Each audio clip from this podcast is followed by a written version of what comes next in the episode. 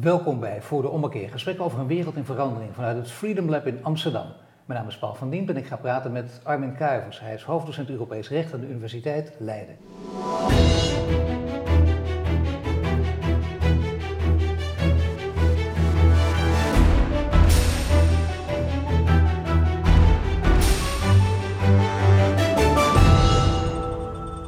Armin, eh, de Universiteit Leiden niet alleen, maar zelfs ook nog hoofddocent aan het Europa-instituut van de Universiteit Leiden. Oftewel, een man die, eh, die alles weet van Brexit, maar het ook nog in een breder perspectief kan plaatsen. Dat is toch wel een belangrijke. Dat is zeker belangrijk. Eh, als je het in isolatie ziet, dan krijg je maar een heel klein deel van het beeld. De interesse ligt deels, het belang ligt deels. Het feit dat Brexit representatief is voor grotere problemen. Het valt mij op dat uh, Brexit zoveel mensen bezighoudt waar je er helemaal niet van zou verwachten dat het ze zou bezighouden. Die het zo super interessant vinden uh, alsof het over eh, Champions League voetbal gaat. Of het komend weekend in de Eredivisie, wie gaat kampioen worden, wie wint van wie. En alle details weten. Merk jij dat ook in je omgeving? Ja, nee, het is high drama, dus in die zin volgen veel mensen het. Aan de ene kant is dat heel mooi, want dit is wel wat we wilden. Tien jaar geleden was de algemene klacht binnen Europees recht dat Europa niet geliefd was omdat het nooit op tv kwam, omdat het nooit in de kranten stond. Die klacht is een beetje omgedraaid. Nu vinden ze dat het niet eerlijk in de krant komt, maar ik kan niet meer zeggen dat het niet gepolitiseerd is. Dus dat is, dat is pure winst. Hè? Mensen die in de metro naast je aan het praten zijn over een customs union. Nou, dat is op zich voor mij heel leuk. We moeten ze op inhouden om niet ze random in restaurants in gesprekken te mengen. Uh, dus dat, dat is pure winst. Het probleem is alleen dat het soms meer over de show lijkt te gaan bij de politici dan over de inhoud. En ja, de show, de clownshow, hè, zoals bijvoorbeeld uh, Kees Kort het op BNN Nieuwsradio noemt. Uh, komt die in de richting met die omschrijving? Bij sommige mensen zeker. Ik bedoel, Boris Johnson en Rees Mogg zijn wel een redelijk komisch duo. Het probleem is dat ze zo meteen echt miljoenen mensen gaan raken met hun beslissingen. En, en dat is het spanningsveld waar we in zitten. Um, de, aan de ene kant het erkennen van de terechte emotie en frustraties en, en emotionele lading die Brexit heeft. Aan de andere kant de kille werkelijkheid die erachter ligt.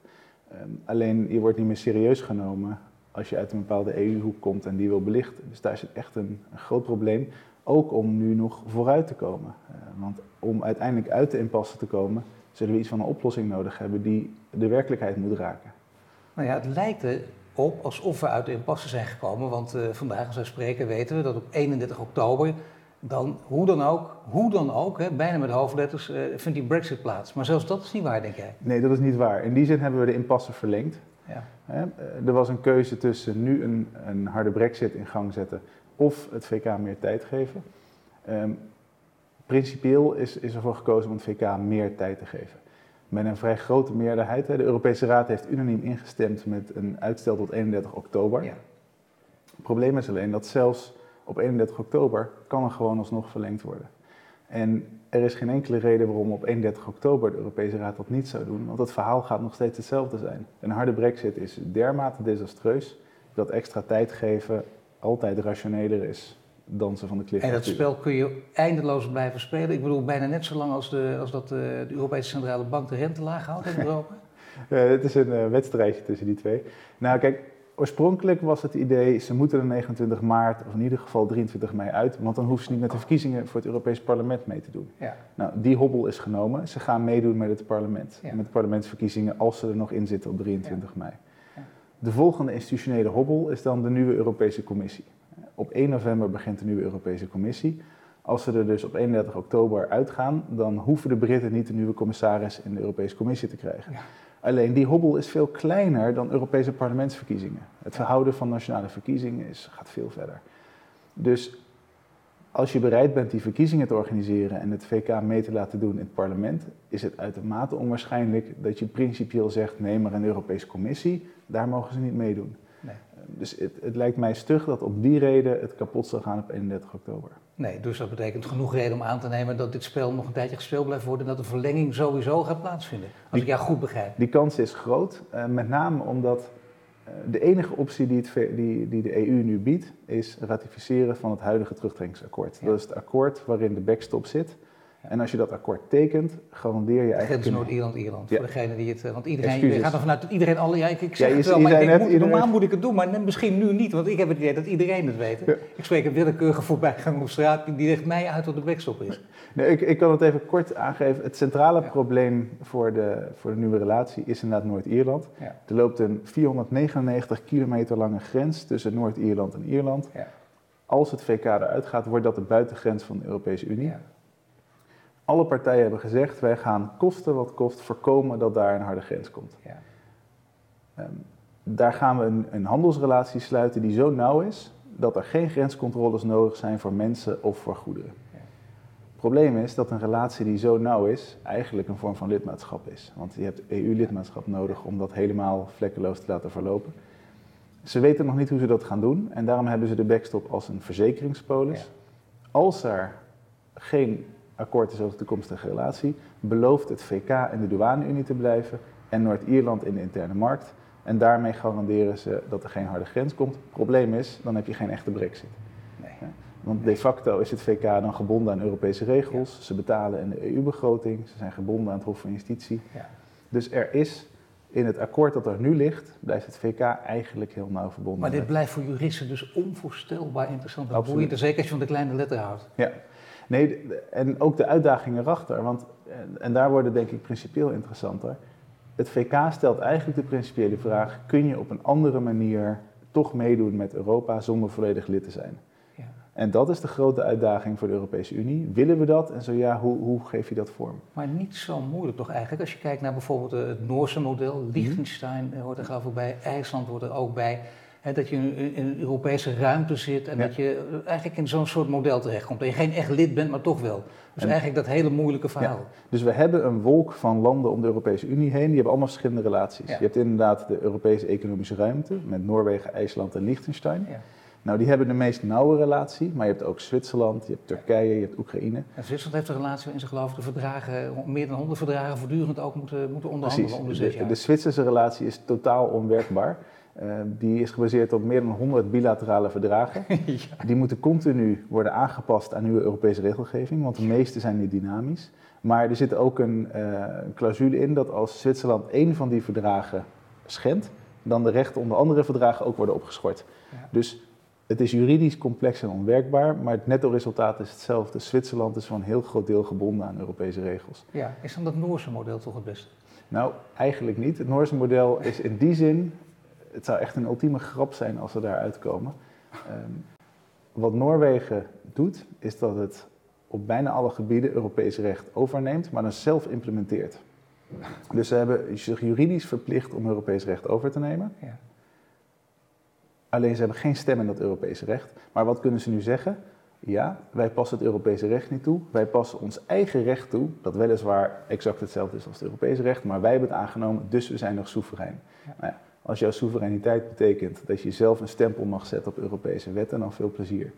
Ehm, nou, het, wat is het probleem voor het VK? Zelfs een Noorwegen-model is niet genoeg om Noord-Ierland op te lossen. Nee. Dus het VK heeft iets nodig dat verder gaat dan Noord-Ierland, dan, dan het Noorwegen-model. Als ze dat sluiten, zijn ze eigenlijk geworden wat, waar ze bang voor waren, een vazalstaat van de Unie. Dus het zou echt een historische grap zijn als ze daar uitkomen, want dan ze betalen dan ongeveer 80% van wat ze nu betalen. Ze zijn gebonden aan het hele Europese recht, inclusief de Commissie en het Hof van Justitie. Maar ze hebben alle inspraak verloren in de Europese Unie. Ja, dat is inderdaad uh, zware ironie. Als dit en dat gaat gebeuren, dan kun je er bijna van uitgaan dat ze ook weer zo stom niet zijn dat dat gaat gebeuren. Dus dat je naar iets, iets nieuws gaat zoeken. Ja, ik zeg het nu wat je zegt, ik, zeg ik ga ervan uit, ik moet nergens van uitgaan. En nu al helemaal niet meer in dit geval. Het zou kunnen. Het is ironisch, maar het zou kunnen. Ja, ik bedoel, jij sluit het niet uit. Nee, als je, als je de deal die ze nu hebben onderhandeld tekent, dan is eigenlijk de enige juridische oplossing die de backstop kan voorkomen een Noorwegen Plus model. En dat is precies die ironie. Ja. En dat is, ik ben het niet vaak met Boris Johnson eens, maar dit is er één, en met Rees Mogg. In die zin hebben ze gelijk dat als je een echte Brexiteer bent, dat je deze deal niet wil. Maar ja, dan krijg je dus een heel groot probleem dat je, je kunt elkaar en, verschillende partijen kunnen elkaar nog jaren in grijzing houden. Dat kan dus ook echt, dat is mogelijk. Ja. En dan roepen daaromheen mensen die zeggen: ik, ik heb hier eigenlijk niets mee te maken, geen enkel belang, maar ik zie alleen wel dat het hoe dan ook desastreuze gevolgen heeft. Ja. En in het begin kon ik dat nog wel volgen, maar nu weet ik niet meer wat precies die desastreuze gevolgen dan zijn. Nou, tot nu toe zijn de desastreuze gevolgen met name de economie. Kijk, dan moet, moet je ook een, een, splitsing maken. Er zijn al serieuze negatieve gevolgen voor de Britse economie. Die koelt sneller af, er zijn al veel minder Sorry investeringen. Sorry dat ik even maar ik bedoel, economen zijn uh, vaak verdeeld, maar helemaal als het over de brexit gaat hoor. Valt mee, valt mee. Nou. De meeste economische uh, analyses, waaronder de Bank of England zelf, zijn vrij negatief over de, de gevolgen van, van brexit. Um, de rapporten die ik heb gezien van economen die zeggen dat het wel meevalt, zijn echt wel zwaar in de minderheid. Nou, ik heb hier een stukje. Zijn Britse economen wijzer dan Britse politici? Als de kogel door de kerken zullen de Britten de Brexit-soap ook meteen weer gaan missen. Met economen die er zo'n janboel van maken, is de conclusie van de schrijver Peter de Waard in de Volkskrant. Mm kun je van politici geen consensus verwachten. En hij haalt hier in één klein stukje van, ik denk, uh, 200, 300 woorden, zes verschillende internationale economen aan die allemaal met een totaal andere mening komen. Ja. Nee, de ramingen uh, zijn niet identiek. We hebben sowieso het probleem dat na de economische crisis van 2008 economen een deel hun gezag hebben verloren. Hè? Dat mensen zeggen, ja, ja, wat zijn jullie voorspellingen überhaupt waard? Ja. Het is wel zo dat een grote metastudie laat zien dat de meeste economen bij een harde brexit uitkomen van een negatieve impact op het uh, bruto nationaal product van tussen de 8 tot 10 procent. Ja. Um, en daar, daar clusteren toch wel veel onderzoeken. Het probleem is dat ik daar economen ook moet geloven op hun formules en hun aannames. Nee, maar goed. Um, dus in die zin, uh, wat je al wel merkt nu, is dat het VK bijvoorbeeld echt een gebrek heeft aan investeringen. Ja. Um, en dat dat partijen investeringen opschorten omdat de onzekerheid groot is. Maar dat is een logische, dat is een zekerheid. Dat is een zekerheid, dat is namelijk die onzekerheid. Dat is altijd zo. Daar hou je als ondernemer ook niet van en daar wil je eigenlijk niet mee te maken hebben. Dan wacht je af. En dat is altijd dodelijk. En de vraag is hoe lang ze dat nog kunnen doen. Kijk, wat je, wat je nu dus krijgt, de enige druk die er was voor Corbyn en May om een deal te sluiten en de boel af te ronden, was het gevaar van een harde brexit. Want het parlement wil dat niet en de kiezers willen dat niet. Nu Corbyn weet dat hij in ieder geval tot oktober heeft en misschien nog langer, komt zijn primaire doel weer in het vizier, namelijk zelf premier worden. Dus Labour heeft nu geen belang meer bij het sluiten van een deal met May. Dus die kunnen gaan traineren.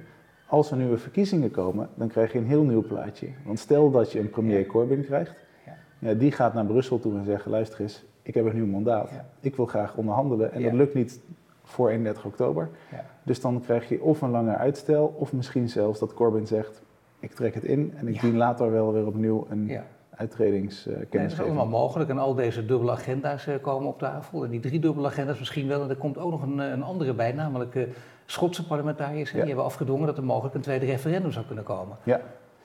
En dat, is, dat is ook nog steeds uh, niet, niet zomaar idee fix. Dat zou ook kunnen. Dat zou zeker kunnen. Zeker als um, de, de onzekerheid lang blijft voortduren. Momenteel is de inschatting van uh, Nicola Sturgeon dat ze net niet gaat winnen bij een referendum over Schotse onafhankelijkheid. Mede omdat de Schotse bevolking referendum moe is. Ja. Die inschatting kan alleen wijzigen in de toekomst. Uh, en de, de, de, de Schotse nationalisten zitten daarop te wachten. Dus het is iets waarmee je ook rekening mee moet houden. Hoe langer dit voortduurt, hoe groter de schade is, des te groter de kans ook kan worden op een referendum in Schotland. Ja. Nou ja, goed, je kunt ook zeggen referendum moe, maar juist niet als het gaat om dit onderwerp. Nee. Want hier wil iedereen zich nog wel eh, even flink tegenaan bemoeien. Nou, een tweede referendum over brexit als zodanig wordt ook steeds populairder. Ja. Het is wel zo dat, grappig genoeg, veel Britten en ook veel Britse Remainers daar nerveuzer voor zijn dan veel Europeanen. Ehm, zeg maar op het continent vanuit Brits perspectief is de neiging te denken dat die Britten toch niet een tweede keer voor die onzin zullen stemmen. In het VK zelf zijn ze veel minder zeker ja. daarover. En zijn ze ook banger dat een tweede referendum uitloopt op een bloedbad met slogans als Tell him again. En, en, dat de frustratie tegen de Britse politiek dan verder naar boven komt. En dat het land nog verder uit elkaar gereten wordt. En dat het veel minder zeker is dan je zou denken dat ze zouden zeggen dan maar blijven. Nu zie je uh, verschillende spelers uh, hier, uh, je hebt al een aantal namen voorbij laten komen. En, en, en Theresa May natuurlijk toch de hoofdrolspeler. ik, ik merkte wel opeens dat, dat er heel veel vrouwen achter haar stonden, heel lang. En die zeiden, wat een sterke vrouw. En kijk eens, en wat er al gebeurt zonder op de inhoud te letten. Ook heel belangrijk, gewoon dat ze blijft er maar staan en ze gaat maar door. Ja. Maar ja, ze ging pas heel laat polderen. Heeft het wel, dat, dat, had ze veel eerder kunnen en mogen doen. Dat, dat zeggen vriend en vijand. Heeft ze het wel zo goed gedaan? Nee, eerlijk gezegd, mijn oordeel over May is, is heel negatief. In die zin heb ik wel diep respect voor haar spindokters. Hè, geconfronteerd met een laten we zeggen, echt enorme chaos. Kijk, Brexit is totaal uit de hand gelopen. Ze heeft alle controle verloren. Ja. En ze heeft meerdere historische records verbroken. ze heeft verloren met de grootste nederlaag ooit als een zittende premier. Ze heeft ook meteen de tweede grootste nederlaag ooit op haar naam gezet. Ze is de enige premier ooit waar het parlement de controle heeft overgenomen en haar gewoon in een buitenlandse onderhandeling opzij heeft gezet. Hij heeft gezegd bij wet, wij gaan nu bepalen wat er gaat gebeuren. Dus ze heeft op alle fronten gigantisch gefaald. Maar ja, als je zoveel materiaal falen hebt, waar kan je nog iets over zeggen? Proces. Dus gingen ze op karakter zitten en zeggen van ja, maar het is toch wel knap hoe ze ondanks al dat falen gewoon doorgaat. Nou, eerlijk gezegd, als zelfs dat, toen ze verkouden was, stond zelfs, ze dan Oh ja, met een krakende stem. Nou echt geweldig hoor. Maar als het enige wat je moet doen om een goed premier te zijn, is, is ook op een slechte koers doorgaan, dan ligt de lat wel heel laag. Ja. Ja. En de reden dat het zo moeilijk heeft, is omdat ze al heel vroeg echt vrij autistisch heeft geopereerd. Haar rode lijnen waren tegenstrijdig, inhoudelijk onjuist en, en onmogelijk. Die heeft ze niet afgestemd. Ze heeft in het hele proces heeft ze niet met de Schotten gepraat. Ze heeft niet met Wales gepraat, alleen met de DUP in Noord-Ierland. Ze heeft zich laten adviseren door een heel klein groepje mensen om zich heen. Ze heeft de oppositie tot op het laatste moment totaal genegeerd. Ook al had ze maar een meerderheid van 2% van de bevolking. Dus eerlijk gezegd vind ik dat ze slecht heeft geopereerd en dat een heel groot deel van de schuld op haar schouders rust. En het is een politica en dus een hele slechte, zwakke politieke antenne ook gehad. Ja, absoluut. Haar capaciteit was ook met name als minister van Binnenlandse Zaken stug doorgaan. Een van de favoriete motto's is Churchill's Keep Buggering On. Ja. Nou ja, dat werkt misschien als je een taai technisch dossier hebt, ja. maar niet als er een staatsman nodig is. En ik ben bang dat we moeten concluderen dat ze die test gewoon zwaar, zwaar gefaald heeft. Ja, nou ja, dat is inderdaad een uh, heel slecht rapportcijfer wat ze hier krijgt en zo. Dat betekent dat uh, normaal gesproken met zo'n leider er ook weinig uit kan komen. Maar er zijn, dat is het grote probleem van Groot-Brittannië, geen andere leiders. Of nee, beter voor het VK, maar er zijn geen andere leiders, want wie zien we opstaan? Nou, Britse collega's van mij spreken daarom wel over de perfect storm historisch gezien. Omdat je dus mee hebt als leider, Corbyn als oppositieleider, ja. ook een heel erg uh, apart figuur die zeker niet de rol kan spelen die nodig is. En de mensen die klaarstaan om mee uh, af te serveren zijn types als Johnson en Davis en, en Rees Mogg, die ook geen leiderschapspotentie hebben. Ja, de um, ja ja, ja, dat zou nog eventueel de betere kandidaat zijn. Um, het probleem is dat eigenlijk tot nu toe mee alleen nog maar zit omdat niemand wil overnemen. Dat is natuurlijk ook een rare situatie. Ja. Um, ze heeft zoveel verliezen geleden dat ze normaal al lang zou zijn afgetreden. Ja. Alleen waarom zou je nu instappen en die gifbeker ervan overnemen? Dus ja. ze mag eerst die gifbeker leeg drinken en dan komt de opvolger. Langzamerhand uh, gaat het zo ver dat zelfs uh, de grootste liefhebbers van, uh, van, van, het VK, dat die zeggen ik heb het over collega's van mij die ooit uh, correspondent daar zijn en voor altijd de liefde uh, hebben voor, voor Groot-Brittannië, voor het VK. Maar ook uh, mensen die, die, die, om andere redenen het VK omarmen. Die zeggen nu zelfs, laat ze ook maar gaan. Ja. Laat ze maar gaan. Dat, dat, maar ik weet niet of jouw ervaring ook als mensen om je heen die, die gek zijn op die Britten. Maar die nu zeggen, we hebben ze niet meer nodig. Nee, er is, is, er is, er is er een combinatie van factoren. Er is een zekere moeheid. Ook bij regeringsleiders trouwens hoor. Ja. Um, Macron is daar nu het sterkst in, maar ook andere regeringsleiders hebben zoiets van, ja, we zijn dit zo langzamerhand wel zat. Um, er is bij sommige Europeanen ook een gevoel van, de Britten hebben altijd gefrustreerd, dus laten we ze nou eindelijk maar uitknikken ja, en dan vooruit gaan. Tegelijkertijd denk ik wel dat ook hier Merkels nuchtere analyse wel, wel de beste is. Ja, je kan ze zat zijn. Ja, het is een zwaar proces. Ja, ze, ze maken het veel moeilijker dan nodig is. Aan de andere kant is de schade van het niet goed oplossen veel te groot. Dus is het slim om gewoon adem te halen, je schouders onder te zetten. Ja. En daarnaast, en dat vind ik nog misschien wel een belangrijker punt voor de EU, moet je niet onderschatten waarom het zo moeilijk is voor de Britten. Want uh, wij kunnen nu wel lachen over de Britten, maar wij hebben ons referendum gehad over de grondwet. We hebben uh, de bakel gehad met het Oekraïne-referendum. En de oplossing voor het Oekraïne-referendum was niet veel charmanter, een inlegvelletje. Ja. Hetzelfde met de Marrakesh-verklaring. Ja, ehm, dus in die zin is het iets te makkelijk om nou alleen de Britten uit te leggen. Want waarom, en dat is misschien ook een reden waarom de wereld kijkt, ze voeren uiteindelijk wel de discussie die we met z'n allen ook al moeten voeren. Ja, hoe regeren we ons land, hoe regeren we de wereld? En wat is dan eh, nog de rol van, van landen, van parlementen? En die discussie voeren ze weliswaar op hun clowneske, dysfunctionele manier. Maar 635 parlementariërs, dan zou je denken, nou er lopen toch tenminste, dat kan niet anders, gewoon uh, puur uh, willekeurige schatting 5% groeien tussen. Maar je hebt het idee dat ze niet te vinden zijn. Nee, dat is wel, en dat is ernstig. Um, een van de, de schokkende voorbeelden die ik natuurlijk als, als EU-jurist weer grappig vind, is dat twee weken geleden een groep parlementariërs besloot dat het misschien wel goed was om een keer een inleidende cursus te krijgen over wat een douane-unie eigenlijk is.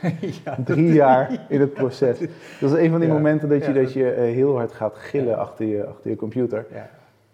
Um, dus je vraagt je wel af, waar zijn ze? Maar tegelijkertijd moet we dan ook kritisch zijn. Als je politiek ziet als een, als een filteringsmechanisme, blijkbaar worden mensen nu gekozen, niet op basis van hun inhoudelijke capaciteit of leiderschap, maar op andere criteria. Hoe trouw zijn ze aan een leider? Ja. Hoe loyaal zijn ze richting de partij? Hoe weinig problemen organiseren ze? Zijn ze een gevaar dat ze ooit een mes in je rug zullen steken? En dat betekent dat er relatief veel uh, zwakke parlementariërs zitten. Interessant te blijven. Nou ja, dat is in ieder geval ook al een belangrijke constatering. Als we dat nog niet wisten, weten we het nu zeker. Uh, daarna zeg je, kijk uiteindelijk naar, naar Merkel, de wijze woorden van Merkel. Want uh, daar tegenover staan dus heel veel mensen. Ik, noemde het, ik omschreef het net anders, ik kan het ook omschrijven als, dat zie je vaak als mensen vermoeid zijn. Dan komt de chaos nou en. En uit die chaos kan er iets moois bloeien. Is dat gevaarlijk of niet, die redenering? Ja, vooral omdat die gebaseerd is op, op hoop en niet op feiten. In die zin, um, de dingen worden er niet beter op als je het nu maar laat gaan, als je het nu hard eruit gooit. Uh, ik, kan, ik kan me de reflex voorstellen, uh, persoonlijk misschien tot een minderheid die, die, die dermate fan is van Brexit, dat het voor mij alleen maar interessanter wordt en dat ik het nog niet moe ben. Maar ik denk dat het echt een gevaarlijke reflex is uh, om, om dan maar de frontwerk op te geven. Het, het... maar ben je het vakmatig niet moe of, of laten we zeggen op, op, op moreel-politiek niveau niet moe? Ja, dat is een, een mooi onderscheid. Vakmatig ben ik het nog zeker niet moe. Ik ben het, wat ik, wat ik eng vind en wat ik gevaarlijk vind op, op moreel politiek niveau, is de dysfunctionaliteit en de manier waarop het debat gevoerd wordt. Zelfs op het moment dat je zegt, we zitten echt even op een, op een bijzondere vraag van algemeen, van belang voor het hele land. We hebben het niet over een klein dossiertje, geen speeltuin, eh, ja of nee. We hebben het over de toekomst van een heel land en in zekere zin van een continent. Ja. En zelfs op dat niveau is de politiek niet in staat tot een volwassen debat. En dat vind ik wel eng. Ja, dat kun je wel zeggen, ja. Want het gaat, als het dus toch over dat bredere perspectief plaatst. Je hebt het niet voor niets ook werkzaam aan het Europa-instituut in, in, in Leiden. Dus je kijkt ook breder naar deze zaken. Dan zie je dat, dat zelfs, het begon met Griekenland in Europa. Dat was een vlekje dat we even zouden wegwerken. Zo begon dat. En kijk eens hoe lang dat heeft doorgeëtteld. Nou, zo zijn we wel meer van die dossiers in Europa. Je hebt er zelf ook een paar genoemd. En Nederland uh, doet er ook aan mee. Die heel lang doorlopen dat is echt bijna onvoorstelbaar als je weet dat je tussen grote machtsblokken zit. Hè? Rusland, China, um, uh, het, uh, Amerika. Dat is belangrijk. Dan heb je Europa. En Europa als zwakke speler. Is Europa dan echt uh, ten dode opgeschreven? Of zie jij toch nog ergens hoop? Oh, ik zie zeker hoop. Um, kijk, in die zin um, is het misschien goed om je, om je benchmark ook helder te hebben. Geen enkel politiek systeem functioneert vlekkeloos en geweldig. Ik heb ook achtergrond in constitutionele theorie. Je moet accepteren dat alle politieke systemen zijn inherent vrij chaotisch en inefficiënt. Het, doel van die systemen is om volstrekt tegenovergestelde meningen bij elkaar te brengen en om te vormen tot collectieve actie. Nou, dat leidt tot chaos, tot strijd. Dus dat er strijd is, is in die zin goed. Het probleem is alleen als het systeem dermate dysfunctioneel is dat je geen besluiten meer kan nemen, geen rationele besluiten meer neemt. En daar zie je een probleem voor de Unie de Unie was voor lange tijd bezig met dossiers waarop je heel rustig intern consensus kon bouwen. Hoe gaan we om met de melkplas, met de boterberg? Hoe gaan we om met graamprijzen? Of zelfs een, een handelsakkoord, dat gaat over tarieven. Daar kan je een paar jaar over doen en dan kan je gestaag intern consensus bouwen. Als het gaat om extern beleid waarop je razendsnel moet handelen, hè, zeker met een onvoorstelbare Trump die zegt ik ga morgen tarieven op jullie uh, goederen gooien dan kan er niemand namens de Europese Unie binnen één dag reageren en handelen. Dus die handelingscapaciteit, die heeft de Unie niet. En dan kom je in een fundamentele spagaat. Als de Unie die handelingscapaciteit krijgt, waar haalt het de legitimiteit vandaan? Ja. Ja. En als je de Unie de legitimiteit wil geven om zo te handelen, dan ga je inbreuk maken op nationale democratie en soevereiniteit. Dus dat is een, een, een keuze waar we voor staan.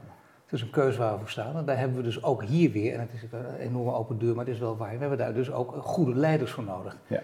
En net als in, in Amerika of in, in Groot-Brittannië wordt geroepen om een nieuwe Churchill. En weet ik, wie is het dan? Want je noemt maar één naam eigenlijk die het hoofd koel houdt, het goed doet en die neemt afscheid, namelijk mevrouw Merkel. Ja. Dus ja. Macron was ook hè, eigenlijk tegen het establishment, maar is binnen de kortst mogelijke keren establishment geworden. Dat gebeurt ook nog altijd. Hè. De vinger omhoog, uh, Brexit en daarom. Maar ja, mensen met die vinger omhoog, als je ze de macht geeft, dan zijn ze ook establishment. Dus die discussie valt dan ook een beetje weg. Ja, in die zin denk ik is er al een gevaarlijk uh, concept dat is geïntroduceerd dat elite of establishment fout zou zijn inderdaad. Omdat je, als je iedereen die establishment is per definitie afwijst, zeg je eigenlijk dat je om de drie, vier jaar iedereen moet wisselen. Ja. En dat dat is een belachelijk systeem. Ja. Ik denk dat er een, een fundamentelere vraag onder ligt, die mensen terecht stellen. Als de hele wereld globaliseert, als alles verbonden wordt, als alles sneller gaat, hoe werkt onze democratie dan nog? Ja. En als de politiek reageert door alleen maar mee te gaan in het, in het creëren van reality shows en uh, het, het, het, grijpen van de aandacht met korte fragmenten en niet met fundamentele visie, dan is het niet raar dat de bevolking zijn vertrouwen erin verliest. Dus in, in, die zin, en ik weet dat het uh, weinig origineel is om als academicus te zeggen dat er iets nodig is als een fundamentele theoretische visie. Ja. Ik, ben ook, ik wil absoluut niet impliceren dat, um, dat het antwoord klaar ligt. En ik wil ook niet onderschatten hoe groot het belang is van dagelijkse politiek en emotie en beslissingen nemen in, in crisis. Maar ik denk dat mensen wel aanvoelen dat er bij de meeste partijen geen fundamentele visie meer is op hoe je omgaat met deze nieuwe werkelijkheid. Ja, en die dat nieuwe werkelijkheid is, nee, die, die werd een tijd geleden als globalisering gezien. En toen inderdaad, uh, en de anderen die waren nog niet zover, die begrepen dat nog niet net. Uh, zo, zo zijn zoveel van dit soort discussies gevoerd. Je zou bijna zeggen, we hebben geen trendpoortjes nodig, want die kijken vooruit en die weten het niet, maar we kunnen wel terugkijken. En we kijken wat voor fouten we daar gemaakt hebben. En elke keer was de fout dat een klein groepje uitlegt aan de rest hoe het moet. Dat ze het nog een keer moeten uitleggen. En dat maakt die andere groep nog woedender. Ja, dit, is, dit is, de dodelijke reflex van de Europese Unie. Het woord uitleggen staat er een beetje symbool voor. Als iemand het niet met je eens is, zeg ik zal het uitleggen. En dat is zo inherent verkeerd. Je, je, impliceert daarmee dat je, dat je slimmer bent, dat je het beter weet. En dat als de ander maar net zo slim zou zijn, die het met je eens zou zijn. En dat is niet zo. Dus in die zin is Brexit een enorme wake-up call. Um, net als Trump en andere oprichtingen. Van luister naar die onderliggende zorgen. Maar waar zijn de leiders om daarop terug te komen? Ik denk dat we daar een structureel probleem hebben. Kijk, politiek talent gaat daar naar waar ze de meeste macht kunnen ja. uh, verdienen. Dat is, dat is ook volstrekt terecht. Ja. politici vecht om de macht en om invloed. En waar kunnen ze momenteel de meeste macht halen? Op nationaal niveau. Dus politiek talent gaat eerst nationaal. En dat betekent dat om die in de macht te behouden, moeten ze een nationaal verhaal hebben. Zodra ze die nationale macht hebben, komen ze op Europees niveau ineens ook aan tafel te zitten. Maar die macht hoeven ze nooit te verdedigen. Die macht hoeven ze niet. Sterker nog, het is veiliger om het er niet over te hebben. Denk ook aan Rutte die zegt geen cent aan de Grieken. En aan de Europese Raad is een andere werkelijkheid. Let wel, ik wil geen makkelijke punten scoren. Ik denk dat Rutte zijn verantwoordelijkheid heeft genomen en uiteindelijk Nederland een grote dienst heeft gedaan door, door Griekenland niet om te laten vallen. Maar politiek is het een ramp omdat hij twee dingen zegt. En dat, dat ondermijnt het vertrouwen. Dat betekent dat we dus, als we betere leiders op Europees niveau en nationaal niveau willen, moeten we ons systeem voor het selecteren van leiders aanpassen. Ja, maar in welke zin dan? Want dat is, dat is dan interessant. Ik bedoel, dat is zo, dat, hoe zou je dat kunnen doen? Nou ja, de, het klassieke denken binnen de EU was heel lang, we gaan richting een federale staat. Dus dat betekent dat we een federaal systeem krijgen met een Eerste Kamer en een Tweede Kamer, een soort senaat op Europees niveau en een Europees parlement. En zodra we dat hebben, zal de Unie democratisch zijn. Ja. Ik denk dat je vrij radicaal moet zeggen dat die visie mislukt is. Ja. Er is geen steun. Op Guy Verhofstadt na is iedereen Op Guy Verhofstadt is bijna iedereen het daarmee eens. Um, alleen het DNA van de Unie, de opbouw van de Unie, is nog steeds geënt op die aanname. En veel politieke programma's ook nog. Ja. Ik zou willen zeggen, accepteer dat je niet die kant op gaat. We hebben een Europees parlement gecreëerd dat enorm machtig is. Heeft niet gewerkt qua legitimiteit. Ja. Dus draai het om. Dat betekent dat de Unie maximaal confederaal blijft. Dan moet je een confederale structuur hebben. En wat betekent dat? Dat de primaire verantwoordelijkheid nationaal blijft. Dus wat ik zou willen, is dat we in Nederland een Europese Senaat maken. We zitten toch maar in een Eerste Kamer, die, uh, bediscussieerd wordt qua nuttigheid. Ehm, eh, meteen een mooi cadeau voor Thierry als de, als de Senaat belangrijker wordt. Ehm, dus waarom maken we niet, als meer dan de helft van de wetgeving Europees is, waarom hebben we niet één van onze kamers die gefocust is op de Unie? En dan hebben we een nationale verkiezing, direct, zijn we meteen van die rare provinciale statenverkiezingen af, een directe verkiezing voor een Europese Kamer, waar we dan in Nederland met elkaar het debat voeren. Wat willen we Europees? Ja. Ehm, en dan heb je een confederale democratie. En dan kunnen daar Europese verhalen ontstaan. Dan kunnen partijen daar inhoudelijk met elkaar discussiëren. Maar je zegt dan kan ook leiderschap circuleren. Maar in welke zin dan? Nee, ontstaan. daar kan je dan een Europees narratief creëren. Voor die verkiezingen moet je dan met een Europees verhaal komen. Nu zie je dat eigenlijk nationale partijen grotendeels de Unie eigenlijk vermijden in hun uh, partijprogramma's. De, third rail, hoe meer je erover zegt, hoe meer stemmen je verliest. Ja.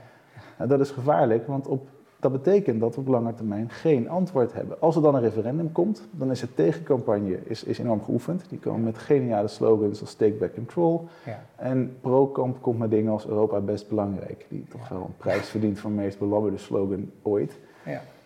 En dat komt omdat er gewoon geen geoefend pro-verhaal is. Uh, geen narratief dat daaraan werkt. Dus in die zin zou ik zeggen, en ik, ik besef me dat ik als institutioneel jurist natuurlijk meteen naar de institutionele structuur kijk. Het is een deel van, van de vraag bouw een institutionele structuur die het verhaal en de leiders creëert die je nodig hebt. Ja, dat betekent dus dat die leiders er wel moeten zijn. En dat is dan prettig als je ze kunt aanwijzen, want ze moeten ook enig charisma hebben. Ja. En die lopen er niet rond. Beperkt. Ehm, Macron werd een tijdje gezien als de, als de redder, die is meteen in zwaar weer terechtgekomen. Ja. Um, maar het, het is een, een, punt dat me in bredere zin verbaast als je naar verkiezingen kijkt. Ook in de VS, toch een enorme pool aan mensen. En wie komen er bovendrijven? Trump versus Hillary. Um, dat je denkt, hoe kan het dat we hierop uitkomen? Maar ja, zo gek is dat niet, omdat de beste mensen uiteindelijk dan niet voor de politiek kiezen. Althans, dat zou een redenering kunnen zijn, omdat je weet dat je, dat je al die, die shit over je heen krijgt en je er geen zin in hebt. Ja, ja het afbrandrisico is heel groot. Zo. Stel dat jij, dat jij gevraagd had, je zou het heel goed kunnen, dan denk je, ja, maar na tien minuten nadenken, of misschien twee dagen nadenken, ga je toch ook over al dat soort dingen nadenken. Er zijn toch heel veel uh, CEO's of toppers op andere gebieden die, die gevraagd zijn, die misschien wel gesmeekt zijn, maar het om die reden niet doen. Ja. Nee, en zijn het allemaal bangerikken, wat dan de tegenpartij noemt? Nou, dat denk ik niet. Eh, Kijk, ik, zit het, ik zit het persoonlijk wel eens te over. Ik vind het ook een hele persoonlijke vraag. Want ik vind het aan de ene kant heel makkelijk om vanuit de universiteit te roepen of, of, college te geven en te zeggen waarom het nu niet werkt en wat er beter zou moeten.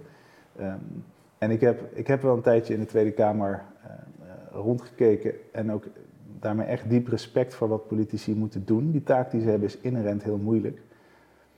Dus ik zou daar misschien wel aan willen bijdragen, maar ik weet ten eerste niet of ik, of ik er. Hè, ik heb misschien iets te lang nodig om tot een punt te komen. Eh, of ik er geschikt voor ben, maar het risico is inderdaad ook nog eens. Je geeft je lot in handen van voor een groot deel kans. Um, ja, kan je daar iets aan doen? Waarom was het vroeger misschien anders? Uh, het zijn wel vragen waar we serieus over na moeten denken. Uh, nou ja, toch, het is heel goed dat je zelf ook zegt, de vraag is in zekere zin persoonlijk, want dat is eigenlijk ook zo. En ook bijna zo bedoeld, dat geldt uh, ook bijvoorbeeld voor ondernemers die overal kritiek op hebben. Kijk je hoeveel ondernemers in de Kamer zitten. En als je een ondernemer heel breed definieert, zijn er maar twee. En dan altijd, dan zie, dan zie je toch dat dit soort redenen uh, aan, aan ten grondslag liggen. Want dat is voor jou de belangrijkste reden. Want niet snel to the point komen, dat valt wel mee. Ik bedoel, je, je bent goed gebekt, dat kun je makkelijk leren. Uh, nou, hier kan het bijvoorbeeld wel, heb je meer ruimte. Er zijn meer van dit soort tafels, mm niet gek veel. Maar er zijn genoeg tafels waar je ook denkt, nou, ik pik dit eruit, ik pak daarover. Dat kun je allemaal aanleren. Wat weerhoudt je dan nog meer? Toch het afbreukrisico?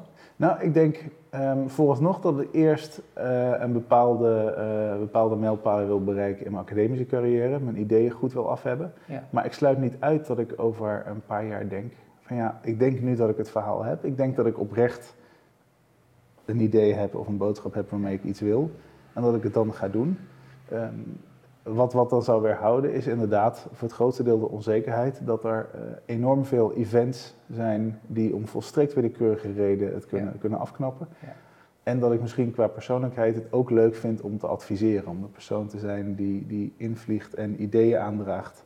Ja. Hè? Uh, dan in plaats van de persoon die, die uh, primair voorop staat. Maar ik sluit het niet uit, ook omdat die verantwoordelijkheid wel echt voel. En ik probeer het ook wel over te dragen. Maar zou je dat dan in een nieuwe beweging willen doen? Of zou je dat bij een bestaande partij zou je daarbij willen aansluiten? Of zit je al bij een partij? Nou, kom op zeg. Nee, nee, nee ik, ik vind het oprecht een goede vraag. Ik ben, oh nee, ik zit uh, qua affiniteit zit ik bij twee partijen. Uh, bij, bij PvdA vanwege het sociale aspect en bij D66 vanwege het, het liberale en het internationale aspect. Maar bij allebei wringt op sommige punten de schoen. Ja. Dus in die zin ben ik. Uh, en jij lijkt me ook de, de, de, keer dat ik je nu gesproken heb, in, in, dat bedoel ik zeer positief, de eigen wijze om, ook aan, aan, om je te onderwerpen aan de fractiediscipline. Ja, dat zou, dat zou ik wel lastig vinden. Tegelijkertijd ben ik realistisch genoeg om te weten dat je, als je echt invloed wil hebben, je een bepaalde machtsstructuur nodig hebt. Ja, ja, dus dat is een, een, complexe. En word ik ook een beetje moe van iedereen die een nieuwe beweging start, uh, met vaak, eerlijk gezegd, helemaal geen nieuwe ideeën. Uh, alleen de, de wens om zelf in de spotlight te staan en hip en modern te zijn. Ja. Maar het is inderdaad zo dat er niet één partij is waar ik momenteel helemaal naadloos in zou passen en me aan zou, zou committeren. Um, dus maar je ja. kunt natuurlijk ook een beweging starten uh, zonder per se uh, hip en, uh, een egotripper te zijn. Hè? Er zijn mm -hmm. ook andere manieren om gewoon de wereld te veranderen en aan te pakken. Ja. Je ziet, ja. maar, maar, vooral vind ik interessant dat je geen, geen, geen leiders ziet. En je ziet hoe nodig het is die, die nu met een goed verhaal kunnen komen. En die weten welke kant we op moeten. Mm -hmm. En zelfs bij Macron heb je geen enkele illusie meer. Of denk je dat het nog kan goedkomen? Het kan nog goed komen. Hij heeft even een paar crises gehad, sommige die, die gewoon onhandig waren. Alleen het probleem van Macron was vanaf het begin al dat zijn mandaat veel smaller is dan werd aangenomen. Hij, hij is verkozen met een, een uiteindelijk een, een, minderheid van de Fransen. En hij had het enorme geluk dat zijn tegenstander volstrekt onacceptabel was. Ja. Dus het is niet zo dat de verkiezing van Macron bewijst dat er een groot deel van de Franse bevolking gelooft in een, in een reveille, in een Europese renaissance. Nee. Uh, maar hij heeft wel een soort talent, iets wat Tony Blair ook had, uh, ja. om, om de pols van de bevolking aan te voelen en, en daar een positief verhaal over te maken. Iets wat Obama had, om op zich de, de zorg om te draaien in een positief verhaal. En dat is het probleem van de Europese Unie. Het is nu vaak een negatief verhaal. Zonder ons is het nog erger. Zonder ons komt er oorlog. Uh, zonder ons was je armer, zonder ons was je land helemaal niks waard. Ja, ja, dat... En dat is geen positieve visie, dat is een, een soort. En dat voelen mensen als afpersing en bedreiging. Ja, dat is het ook. dat, is boom, dat, is, dat, dat, is typisch inderdaad uh, boommakerij die je niet moet hebben. Maar ja, dit opent al mogelijkheden tot inderdaad een nieuw verhaal. Mag ik toch even zo nieuwsgierig zijn om te denken, want uh, dat zegt mijn intuïtie, misschien is het niet waar, maar dat je hier met een aantal mensen over aan het praten bent. En dat je denkt, misschien wel of een partij of toch iets in een andere richting. Nee, het is nog absoluut niet in, in die fase dat ik dat echt aan het opzetten ben. Ik heb wel de indruk dat er behoefte zou zijn aan een, een positieve visie op dit punt. Die eerlijk tegen mensen zegt, in deze wereld heb je je, je land juist harder nodig dan ooit. Je hebt je identiteit keihard nodig. Ja. Alleen besef dat een, een van de dingen die je land moet doen, is niet meer alleen alles beslissen, maar is jou vertegenwoordigen in de wereld. En dat betekent dat een land en ook soevereiniteit fundamenteel anders is geworden. En dat is bijvoorbeeld waar ik, waar ik het fundamenteel mee eens ben met, uh, met Thierry en zijn, zijn visie op soevereiniteit. Die visie is, alles moet terug en we gaan het weer nationaal beslissen.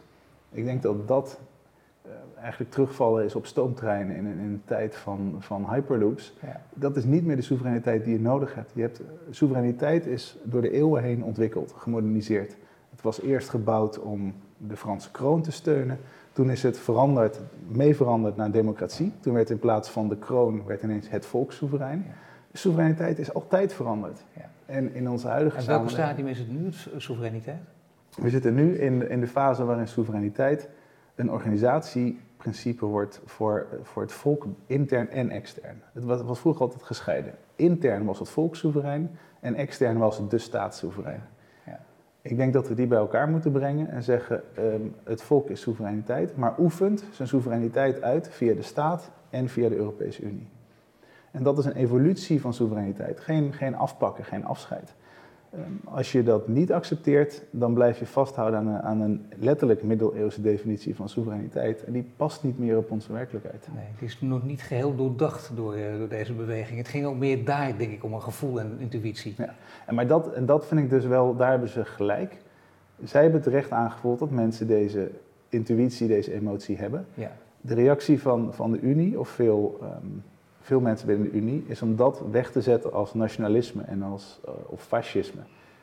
En ik denk dat je daar moet accepteren, nee, op zich voelen mensen heel goed aan dat er iets aan het veranderen is en dat wij nog niet weten hoe we ermee om moeten gaan. Ja, maar daar, daar, daar, laait het vuur weer mee op natuurlijk. Hè? Door dit het fascisme met name weg te zetten. Ik bedoel, dat is ook echt bijna over ouderwets gesproken. Ja, en dat, maar dat was een stoommachine. Dat een tijd lang was dat intellectueel genoeg om iemand die tegen de Unie was te vertellen je bent een nationalist. En dan was het gesprek klaar. Maar die intellectuele luiheid, die moeten mensen laten varen. Want het is simpelweg niet zo. Niet iedereen die kritisch is over de Unie is meteen een nationalist of een fascist. Ja, ik denk dat intellectuele luiheid is echt op zijn plaats zit. Dat dat gewoon het woord is. Dat zouden ze in ieder geval uh, moeten gaan afschudden. Politici toch zo denken en zo redeneren. En niet alleen politici trouwens. Ja. Nee, er worden daarin, uh, dat, dat, dat zit veel breder. Ja. Europa heb je niet opgegeven. Dat zei ik eigenlijk in het begin van dit gesprek. Dat is ook heel belangrijk. Hè? Ondanks wat er hier bij die Brexit gebeurde, wel geef je misschien het Verenigd Koninkrijk op. En dat, dan kun je zeggen, laten we los van het leiderschap kijken naar welke landen uh, ons, Europa, moeten gaan redden. Als je dat als een machtsblok ziet en wel moet zien ook tegenover die andere partijen.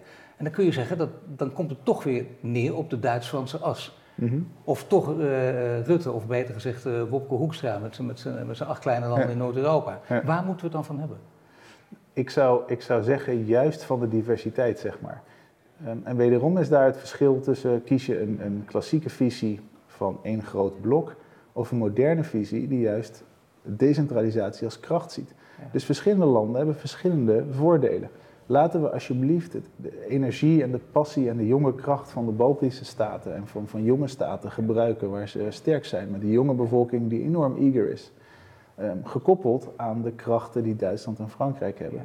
Het gevaar ligt volgens mij juist in het um, te veel willen uniformeren en het niet accepteren dat we al die verschillende competitieve voordelen moeten bundelen. Dus ik zou zeggen, de hoop ligt juist in het feit dat we die diversiteit hebben, verbonden met gewoon het grootste economische blok ter wereld, met een goede infrastructuur, met relatief opgeleide jonge bevolking. Um, dus daar, daar, de basis ligt daar. Dus daarom geef ik Europa zeker niet op. Ook omdat Europa afschaffen juist een stap terug is, zeg maar. En daarmee zeg ik niet dat Europa nu perfect is. Maar het, voor mij voelt het een beetje als de paus die condooms verbiedt in de strijd tegen aids. Um, ja, Europa is onderdeel van de toolkit die je nodig hebt om problemen die je, die je beoogt uh, aan te pakken. Dan, dan eindigt het gesprek over Brexit uh, toch nog uh, hoopvol over Europa. Ik dank u wel, Arne Kavers.